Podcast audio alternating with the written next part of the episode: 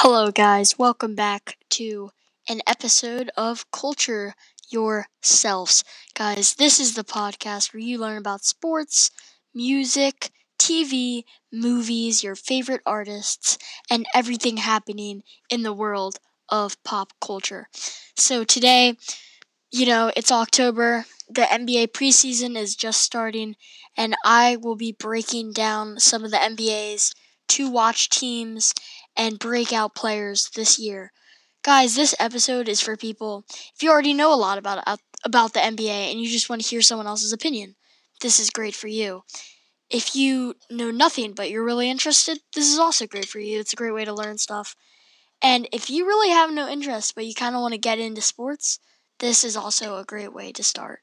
So guys, we'll be starting off with some really teams that you should be watching and they're gonna really make a run in the playoffs. Number one is uh, the Clippers. I think they could really, really make a difference this year. And uh, in a second, I'm gonna be sharing my opinion with you guys. Clippers v Lakers. So the Clippers are great. You know they they got Paul George and Kawhi Leonard. They have a great team over there. A lot of people are saying that they don't really have a strong team other than those two. The re- and I'll say that yeah, the rest of their starting five isn't too strong. Landry Shamet, I think, has a lot of potential and could be a great player. And I don't know, but they made the playoffs last year with not too a not too good team, and now they have two superstars, one of which carried a team to win a championship. So I don't know, but there's a lot of there's a lot of teams in the West, so I don't know if they can do it. So the Clippers v Lakers, a lot of people don't agree with me. I have to go Clippers because here, I'll just give you my opinion. The Clippers made the playoffs last year. The Lakers did not. The Lakers last year already had LeBron and a better team than the Clippers. So all they got is Anthony Davis and Dwight Howard. Dwight Howard is just not having good years. He won't be that good this year. Anthony Davis, sure, he probably won't work well with LeBron. I don't see them getting much better. They didn't even make the playoffs last year, and they already had LeBron. The Clippers had a really bad team last year. They didn't really have any great superstar players, and they still made the playoffs. Okay? I mean, yeah, sure, they lost in the first round. It's better than not making the playoffs with LeBron. Now they add to their squad a young Kawhi Leonard who is incredible. He can do anything, he never misses and Paul George, a great, great player who can just like take your team to the next level. And if they're already a playoff team, adding those two players, they're a one seed. Like they're they're just unstoppable now when the Lakers are not a playoff team, only really adding one player, one superstar.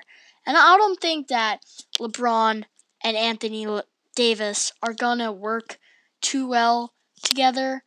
So, I don't know a lot of people are saying like I don't know Danny Green, a lot of like small side players on the Lakers are gonna help a lot.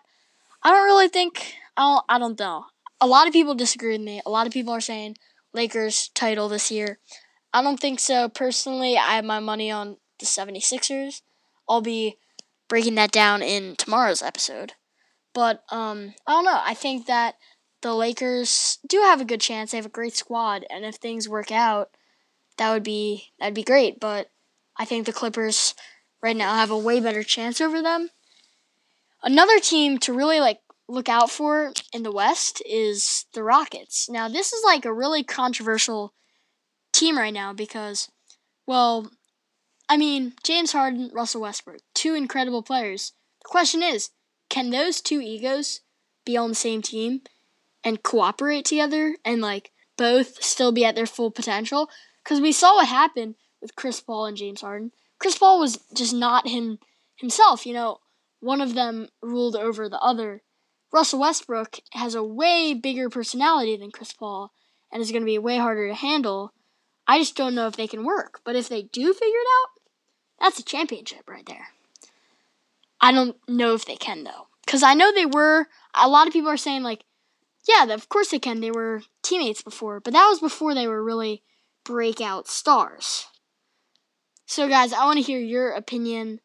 Tell me in the comments. See you next episode. Goodbye.